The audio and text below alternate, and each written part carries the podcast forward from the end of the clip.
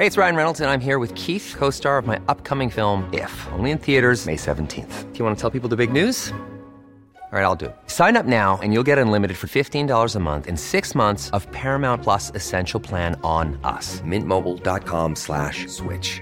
Upfront payment of $45 equivalent to $15 per month. Unlimited over 40 gigabytes per month. Face lower speeds. Videos at 480p. Active Mint customers by 531.24 get six months of Paramount Plus Essential Plan. Auto renews after six months. Offer ends May 31st, 2024. Separate Paramount Plus registration required. Terms and conditions apply if rated PG.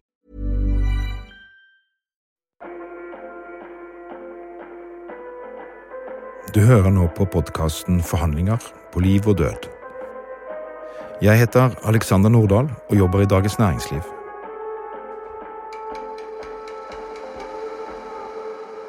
De neste 35 minuttene skal du få bli med inn i en verden som er ukjent for de fleste. På jobb med politiets krise- og gisselforhandlere, også kjent som KGF. Og lyden du nå får høre, er fra det virkelige politioppdraget. But I need you to tell me a little about the bomb. Uh, just you don't have to tell me where it is, but uh, No, no, no. just confirm to me what kind of bomb it is, so I know that you know uh, what you're talking about. Navnet mitt er Ola Moheim. I dag så er jeg leder for KGF. Um, i, på den tida her så, så hadde jeg en annen hovedfunksjon. Jeg jobba med risikosupportere i Oslo politidistrikt, og hadde da en deltidsfunksjon som forhandler. Og den dagen her så var jeg på politihuset når jeg fikk eh, telefon om at det skjedde noe på Royal Christiania. Jeg hadde jo jobba som forhandler siden 2006, men jeg hadde jo ingen tilsvarende erfaringer med gisselsituasjoner som denne her da, eh, tidligere, sjøl om jeg hadde en god del oppdrag i beltet. På Royal Christiania så har det blitt levert inn en lapp til resepsjon, eh, og på den lappen da står det at eh, jeg, har ikke, jeg, jeg skal ha en forhandler. Eh, jeg har plassert ut bomber i Oslo sentrum. Og jeg har et gissel på rommet mitt. Ikke kom inn, for da går det gærent.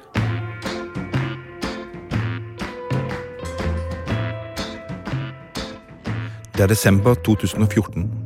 Det er to dager før pakistanske Malala Yousufzai og indiske Kailash Satyarthi skal motta Nobels fredspris. Den indiske fredsprisvinneren Kailash Satyarthi kom til Norge i formiddag. Onsdag mottar han fredsprisen sammen med pakistanske Malala Yousufzai. Satyarthi håper fredsprisen vil føre til økt fokus på kampen mot barnearbeid og barns rettigheter. Pakistanske Malala Yousufzai kommer i kveld. Dette er jo to dager før nobelprisen skal deles ut, og jeg, tenker umiddelbart at oh, shit, er, er det noen sammenheng her? Første etasje på Hotell Royal Christiania i Oslo er fylt opp av hotellgjester. Det nesten ingen vet, er at det foregår en gisselaksjon i fjerde etasje på hotellet. Ute, på andre siden av gaten, kommer krise- og gisselforhandleren Ola og de to kollegaene hans snart til å parkere den sorte bilen de kjører. Ola kommer til å ta opp telefonen og ringe gisseltakeren. Det er bare noen få krise- og gisselspesialister i politiet. De jobber heltid med å forhandle. Ikke om høyere lønn eller raskere firmabil, men om folks liv. Skjer det et selvmordsforsøk eller en gisselsituasjon, er det Ola eller en av hans andre kolleger som blir ringt. Og jobben deres er å gjøre alt i sin makt for at folk ikke skal dø. I julegatene rusler folk rundt i vinterklær på jakt etter julegaver. Og jeg merker at her er jeg mye mer anspent enn jeg pleier å være på, på slik type oppdrag. Jeg pleier ofte å være helt rolig, men her er et oppdrag som jeg tenker at ok, hele verdens øyne er retta inn mot Oslo akkurat nå. Det er fredsprisvinnere i, byen her. Uh, fullt av internasjonale media. Uh, og så skal på en måte politiet i Oslo uh, håndtere en gisselsituasjon som egentlig er litt det samme området. Fra bilen ser forhandlerne den store hotelldøren. De ser hotellgjestene gjennom vinduet. Snart skal Ola ringe gisseltakeren, som holder et levende menneske fanget mot sin vilje. Ofte så møtes vi personer som er i krise, og da er det ofte ganske usammenhengende. Her var det en person som hadde bedt om å få prate med forhandler. Det framsto godt planlagt. Og så er jeg jo jeg er fryktelig spent når når jeg ringer. Uh, hva er det som vil møte meg nå? Er det en uh, desperat, høylytt person? Uh, en rolig?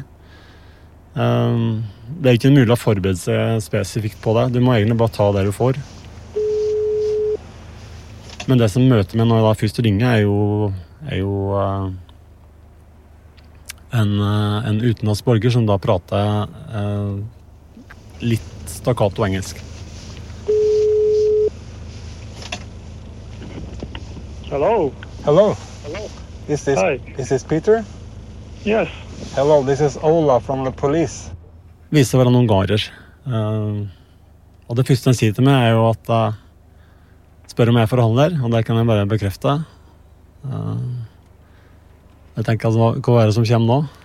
Så sier han da at uh, her uh, jeg har tatt en uh, ansatt som gissel, har han på rommet mitt. Hvis dere kommer inn, så blir det trøbbel. Jeg skal vite at jeg har plassert ut bomber i Oslo sentrum. Dem kan jeg utløse. Jeg har krav, og det kravet er jeg skal ha én million euro. Jeg skal ha en bil. Og jeg skal ha fritt leide ut av Norge.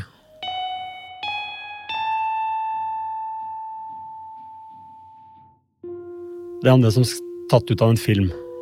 Dette er noe som vi har trent på, men som vi ikke har erfart. da. Jeg sitter og tenker at dette her er en person som er, som er rasjonell. Han er oppegående, han har lagt en god plan, og her er det, dette er alvor. Jeg merker at stemninga i bilen er jo, eh, er jo ja, skjerpa. Mens den ungarske gisseltakeren går urolig rundt på rommet i fjerde etasje, og gisselet følger med på hvert eneste skritt han tar, sitter Ola og de to andre kollegaene utenfor i den sorte Mercedes kassebilen. I gatene går livet sin gang. Været er kaldt. Det er mye som står på spill. Mens Ola prater med gisseltakeren, rapporterer de to andre kollegaene i bilen til Oslo-politiets ledelse om hvordan forhandlingen går. Utenfor gisseltakerens rom står bevæpnet politi klare til å gripe inn i tilfelle forhandlinger går galt og gislets liv er i fare. Men hvordan skal de finne ut hvor bombene er? Og hva med kravet om pengene og bilen? Jeg kunne jo ikke gi den en bil på, på, flekken her, så her var det jo prat om å, å videreformidle krav selvsagt til politiledelsen i Oslo. Eh, og så var det jo for min del som forhandler å prøve å få litt mer eh, kjøtt på beinet. Hva, er det som er bakgrunnen for det som har skjedd der? Eh, hva vil du gjøre i etterkant? Disse bombene var jo et, et, en hodepine for oss. for det hvor, hvor, kommer den inn i bildet? liksom? Hva, hva, er hensikten med å plassere ut bomber i Oslo sentrum hvis, hvis, alt du vil er å ha en bil og en million euro og kommer deg vekk? Så det var mange spørsmål.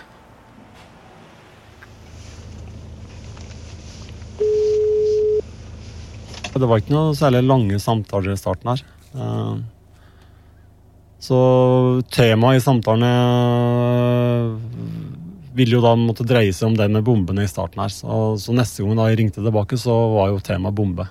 I need to talk a little about the bomb. Because yeah. if uh, the police here are to give you um, the car and the cash, and you are to leave the country, and we have a bomb here still for one week, that is a problem. Uh, it's maybe two or three days. So yeah. one week is the last one week is last. But, but, uh, but as soon as uh, I will be safe in a safe place, yeah. I send an email. Uh, hva, hva vil han gjøre for noe med disse bombene her? Uh, var det slik at han hadde et ønske om å ramme Oslo sentrum? Uh, var det noe terrorformål? But, but I need you to tell me a little about the bomb. Uh, just you don't have to tell me where it is, but uh, no, no, no. just confirm to me what kind of bomb it is, so I know that you know uh, what you're talking about, if you if you understand. Uh, I don't know what you mean. I just need you to confirm for me that you you have a bomb and what kind of bomb it is. So. Uh, uh sorry, I can't. I cannot tell you this. Okay. The, the reason. Because uh, if I tell you it's a C4 or or uh, dynamite or, or anything else, yeah, you can search it. Oh, okay, I see. more more easier. So Okay, sorry. Og så satt de jo med en gryende mistanke om at ah, er det, har dette noe med Nobel å gjøre? Er det, noe, er det en annen agenda her som gjør at kanskje agendaen ikke er å få en million euro og en bil, men at det er noe annet som skal skje? Det satt jeg liksom en gnagende følelse av. Uh, I'm, I'm sure you know that we have Nobel Peace Prize. Sorry. We have the Nobel Peace Prize uh, ceremony here now. Do you know that? Uh, I don't understand that. You have heard about the Nobel Peace Prize? Nobel. Nobel, it's a, it's a peace prize uh, which uh, are awarded every year uh, at the 10th of December. Oh yeah, yeah, yeah. The Yeah. Nobel Prize. Yeah, Yeah. yeah. So they, they are, many people are gathered here, here in Oslo this week, Mhm. And there is a big uh, police uh, response. Mhm. And obviously, right now, with you uh, giving us these demands, uh, there will be a big police response to this situation. Yeah. Okay. Uh, can I tell? Can I just ask you? Has has this something to do with the Nobel Prize? No, no, no, no. Okay. No, I, I didn't know about that. Yeah. Og det kom ganske fort fram egentlig at dette hadde ingenting med Nobel å gjøre. Det framsto egentlig helt, helt fristilt fra Nobel, da. Det, det en sier til meg, er at den har, kommet fra Ungarn for noen dager siden. Eh, at den har lagt en plan eh, om å ta et gissel eh, og få penger og en bil og komme seg vekk og leve livet. Hvorfor er et ganske sentralt spørsmål rimelig tidlig. Og eh, i starten her så, så vil han ikke si noe særlig om det. Jeg er ganske knapp. Jeg har ikke noe ønske om å åpne seg opp. Og det går jo inn i den eh, vurderinga vår som går på at Og har å gjøre med en person som er både rasjonell og som har plan- planlagt det der godt, da. Dette er ikke en person i krise, er det som er tanken vår. Og så fortsetter jo samtalene øh, utover. Eh, og han begynner jo da etter hvert å åpne seg litt opp. Jeg spør jo hva er bakgrunnen din i Ungarn? Eh, hva, har du jobbet, har du noe jobb? Har du jobba før? Hva har du jobba med? Og det kommer jo da fram at uh, han sier til meg at, uh, at han er paramedic, da. Og så, så, så sitter jeg og tenker at uh, ok, i Norge så er det jo et veldig tett link mellom blålysetatene. Eh, mellom brannvesenet, politiet og, og ambulanse. Og så spør jo jeg spør han om det samme. Er det slik i Ungarn at det er et veldig tett link mellom, mellom de enhetene der? Being a, police officer, I think I know a little bit about being a paramedic as well, because we work closely together Mhm. here in Oslo. Uh, I'm sure you did the same in, in Hungary. Yeah, yeah, yeah. Yeah, and firefighters also. Yeah, and I respect your job as well. Yeah, like likewise. So Og han sier jo ganske fort at, eh, at han har et godt forhold til politiet. Og det er jo en start på en god relasjonsbygging for min del. Um, han, han på en måte reflekterer på at politiet er nødt til å være til stede utafor hotellet. Det er fint, som en sier. Det går, går greit. Det er viktig avklaring for min del, slik at ikke, at ikke blir stressa da, fordi at politiet er der. Og så fortsetter vi på en måte å prate om litt, mer- litt mer personlige ting. do you have do you have some kind of uh, psychiatric problem or What kind of? do you have um, a psychiatric um, Uh, problem? no, no, no, no. No? I, I don't know. Maybe. no, no. Yeah, you never know, do you? I never been in in a psychiatric. No, but I, I guess it must be depressing to, to feel that you don't have enough money to live. Yeah, it is. Yeah. It makes me sad be, for you being a paramedic because um, I can clearly clearly hear that you are not a criminal. Uh, until this morning. Yeah, also the, the action you are taking today, of course, it, it's a criminal action, but but at this moment, it's on a very low level. Hmm. That, that is my impression. So, but of course, if you if you hurt Michael or you set off a bomb, that's a, a serious crime. Of Yeah, I course. know that. Yeah. And then you will not be able to live your life the way you want Yeah, I know that. That's why I need the money and go away free. Yeah. Det at du skal få en bil og en million euro, det er nok noe som sitter fryktelig langt inne. Det er, viser til at det er jo ikke ofte at det skjer i verden. At eh, folk får viljen sin på den type ting. Eh, Og så sitter jeg med gnagende følelse av at eh, Hvordan går det med gisselet ditt? Det begynte som en travel morgen for studenten Michael. Han jobba som renholder ved siden av studiene. Gjesten på rom 476 hadde hengt et skilt på døren sin. Han ville ha rommet rengjort. Gisseltakeren var forberedt. Nå satt renholderen Michael der på gulvet, med hendene bundet, med teip over munnen, som gissel. Uh, og jeg spør jo da ganske tidlig skal jeg, kan jeg få lov til å prate med han. Is everything okay with Ma- Michael? Yes, he's okay. Is it possible for me to to speak with him Do you know that he's okay? Uh, just a minute, but uh, just in English, okay? Yeah. Yeah. Just tell, your, tell him your name. You're okay. Hello. Hello, is it Michael? Yes. Yes. This is Ola from the police. Okay. Yeah. Uh, we are doing whatever we can now to solve this situation peacefully. So just be calm. Okay. Gisse er stressa. Gisse er redd. Ingen tvil. Han er ordentlig prega. Og det bidrar jo på en måte til at alvoret i situasjonen blir enda større, da. Ja, det er plassert ut, eh, ifølge han så er det plassert ut bomber i Oslo sentrum, men uh, samtidig så har han en umiddelbar tilgang på et levende menneske som en da kan velge å skade hvis en vil, da. Hvis en opplever at den dialogen mellom oss går feil. Det en sier at den har kniv, og at den har en uh, elektrosjokkvåpen. Og at den er villig til å skade gisselet.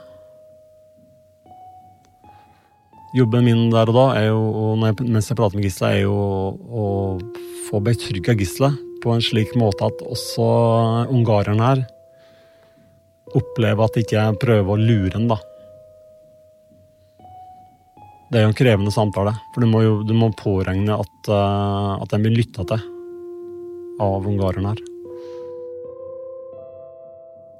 Viktig for min del og for vår del å, å sitte der med følelsen av at vi har fått prate med Gisle. Gisle er ok, men stressa. Dette her er alvor. Så, så fortsett på en måte samtalene. Eh, og temaet er for så vidt den personlige ja, mm, om ikke, om ikke personlig, så, så blir det, det blir litt lik eh, god relasjon mellom oss. Eh, det viser seg at, at han er født i 1973, samme årstallet som, som undertegnede. Og det blir en liten greie mellom oss. Og så er jeg to gutter på samme alder som prater med hverandre i to vidt forskjellige settinger. Og på en eller annen merkelig måte så klarer vi å få en god tone. Eh, Noe som fører til at relasjonen mellom oss blir bedre, selvsagt. Og så begynner jeg etter hvert å, å spørre henne, for jeg er veldig nysgjerrig på hva er det du skal gjøre etterpå. Hvis du nå får denne bilen din og en million euro med det, hva er det som er planen din da? Yeah. But what are your?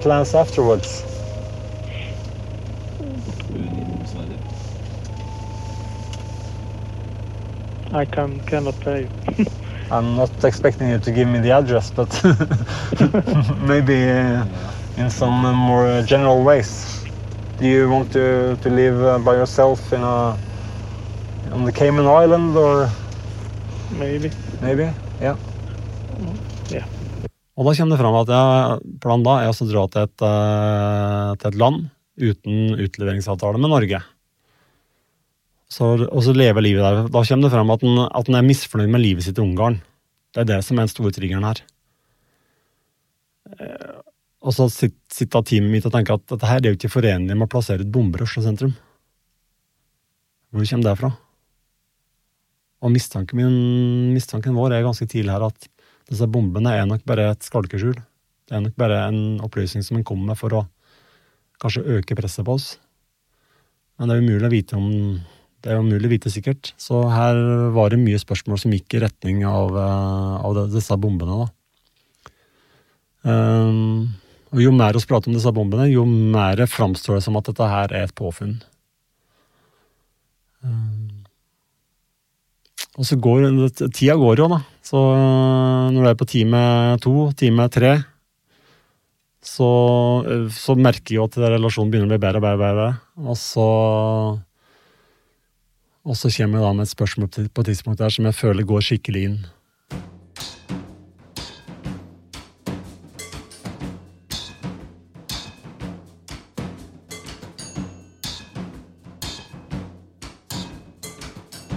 it's it's not it's not very good living your life and keep looking over your shoulder and thinking about when Yeah, when are the police coming and of course we have the police in Norway has has um, cooperation with all international police forces Mhm.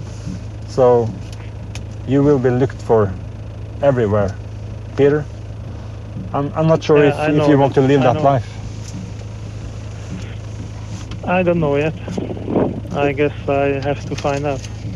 Yeah, well, I really want to help you. I, I really don't, don't. I really don't want you to, to go down in history as a very good soul, a paramedic, uh, which uh, who did something very wrong in Oslo and missed out of his life because of it. Is there something else I can do for you? No. Are you sure?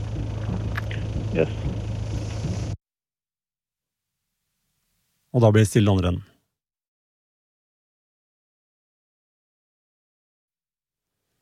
Det er, da, det er da jeg merker at den, dette er kanskje noe som en ikke har helt, helt tenkt gjennom før. Uh, og så må man plutselig legge på. Etter at ungareren har lagt på, jobber forhandlerne med å få svar på gisseltagerens krav og ønsker. Han krever å få asyl i Norge, men kan han få det? Eller blir han utlevert til Ungarn? Og hele tiden har de bombene tikkende i bakhodet. Så ringer Ola opp igjen. Hello, Peter. Uh, Hi, it's Ola. Hi. Uh, at this moment, I haven't received all the all the answers yet, uh, but I have received a few answers on your questions.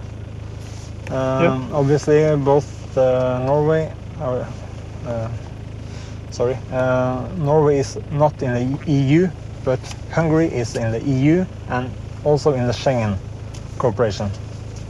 yeah. So it should really be no problem for you to both stay and work in in uh, in Norway. hmm Okay. Um, what is making uh, trouble for me right now is uh, is the bomb. Um, that makes it uh, it's difficult for me, and because uh, all my colleagues inside in the staff they are working with the bomb, hmm and there are major concerns about the bomb. Okay. Uh, Og da er tonen en helt annen. Da har han plutselig lyst til å overgi seg. Det en først og fremst ville, var å komme seg vekk fra Ungarn og sin livsførsel der, og etablere seg på nytt, få orden på livet sitt. Og da ber han om asyl i Norge. if you have the answer, Yeah, uh, so you can guarantee I can stay here.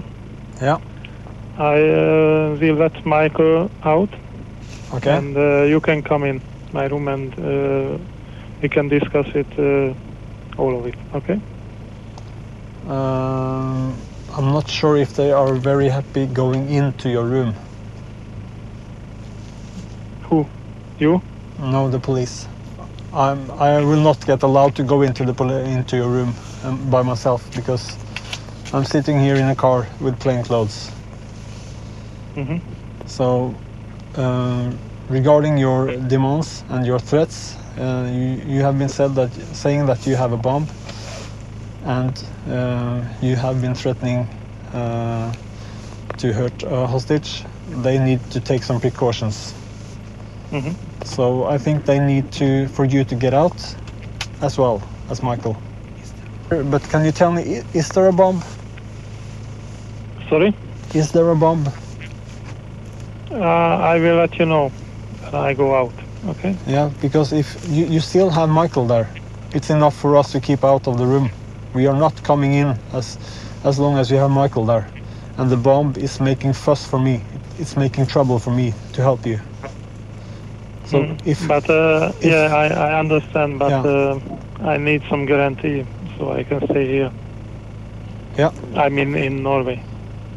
okay, so you, you, you need a guarantee. Yes, if, if you uh, give my give your word, that's enough. Yeah, okay, yeah. As long as I know at the moment, you can stay. Okay? But we are waiting for a, a couple of answers from people working with these cases on a daily basis. hmm Okay. So I cannot give you the guarantee right now, but uh, hopefully very soon. okay.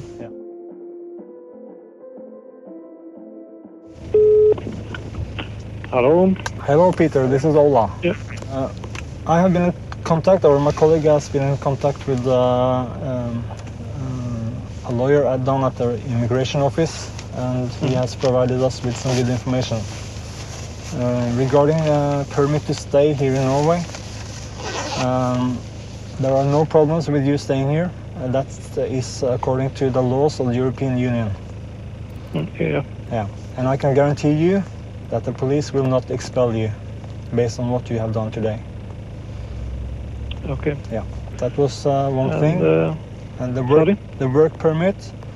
Uh, there are no uh, problem with you working in Norway, but Mm-hmm. it is uh, of course entirely up to the to the employ, employer, as the police cannot instruct somebody to to be hired. yeah. Yeah, I'm sure that's the same as in Hungary. So, Mhm. if you want to stay here, you're more than welcome. If you want to work here, you need to apply for a, a job just like anybody else. I have one more problem Okay? because uh, I have no money for staying here until I get a job. No. I see. Yeah. Um, So if you can help me yeah, I can help this, you. so What? What? live somewhere or Yeah. uh, anything else. Yeah. Uh, because of what has happened today, uh, you need to uh, go into uh, into a police interview. Okay. to, to tell uh, the police uh, why you have done uh, the things you have done today. Mhm. And then after that, there will be a decision about what happens to you next. Because this will be a criminal case. Uh, At the moment, it seems to be a small case because you haven't done much wrong today. Mhm. Uh, and worst case scenario for you now is that you have to spend a little time in prison. Inside prison, But uh, I don't have to go back to Hungary. no. Inside prison, you will have, uh, you will actually make money on a daily basis, and you will get the chance to get language courses, so you can actually, um, if you, for example, stay in prison for two months, you can have language courses inside the prison, and that will help Okay. you when you come out. Okay. So- that sounds good. So uh, what we need to do next then is, is when you come out now, you will be met by some police officers, friends of mine, in plain clothes. Mhm. And then you go with them. You go with them to the immigration office and to register. Okay. And, and then there is a police interview after that. Okay. Yeah. Do I have to take my luggage? Uh, you do not uh, need to take luggage at uh, this moment. Uh, what I need you to do first is to send Michael out. And when Yeah. Michael is out and you get my okay, you can come out and we solve the situation with the luggage uh, after that. It's no problems. Okay. Yeah. We will take uh, care of your luggage. Okay. Yeah. So where will I meet uh, policeman? You, if you, uh, if you first can send Michael out of the door, Yeah. somebody on the outside will uh, call him, and then Yeah. Michael just goes towards the police officers. Okay. Yeah. Okay.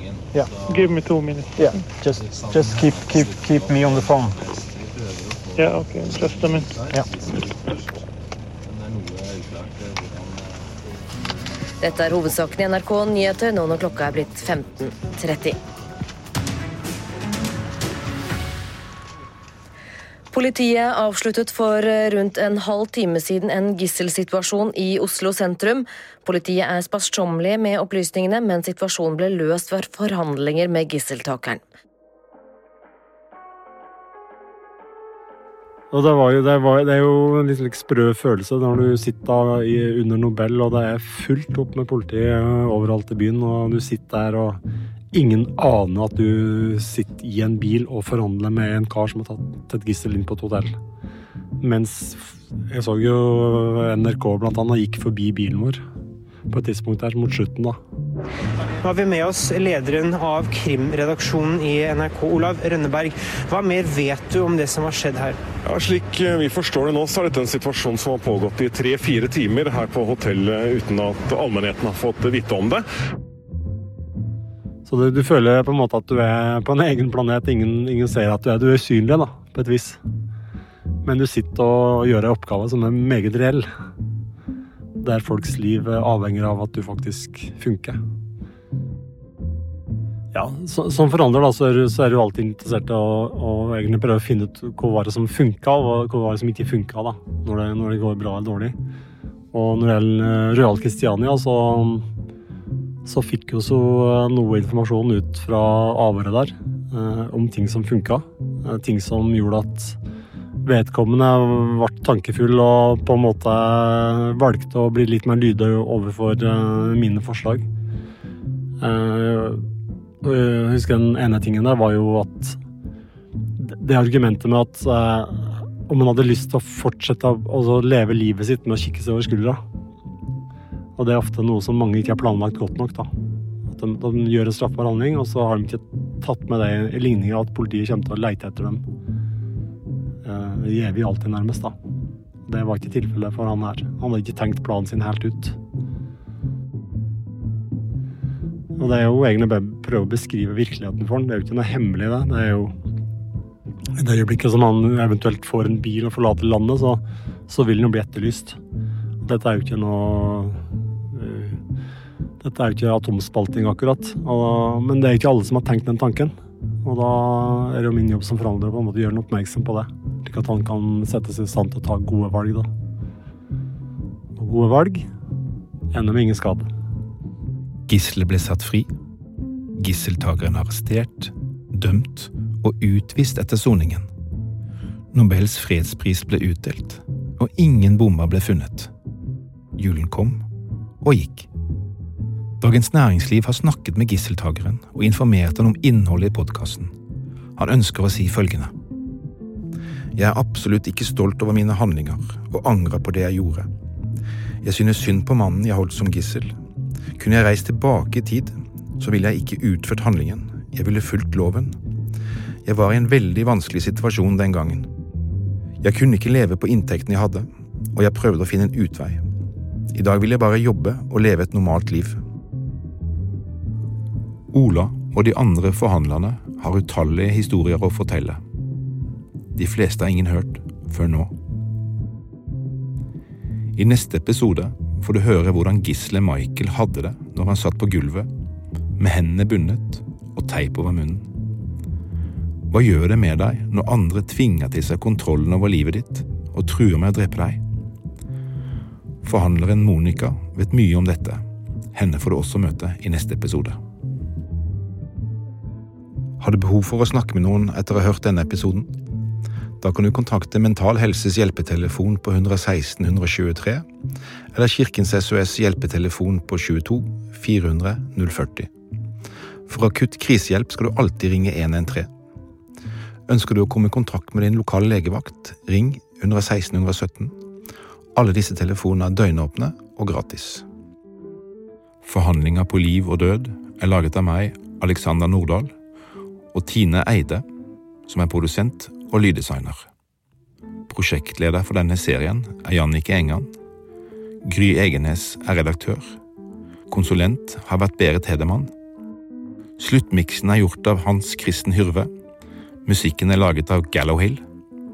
Ina Engebretsen har logget. Ansvarlig redaktør i Dagens Næringsliv er Janne Johannessen. Nyhetsklippene du har hørt, er hentet fra NRK.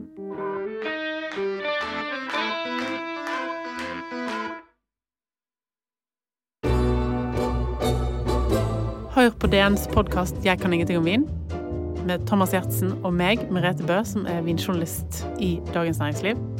Hver onsdag der du pleier å høre på pod.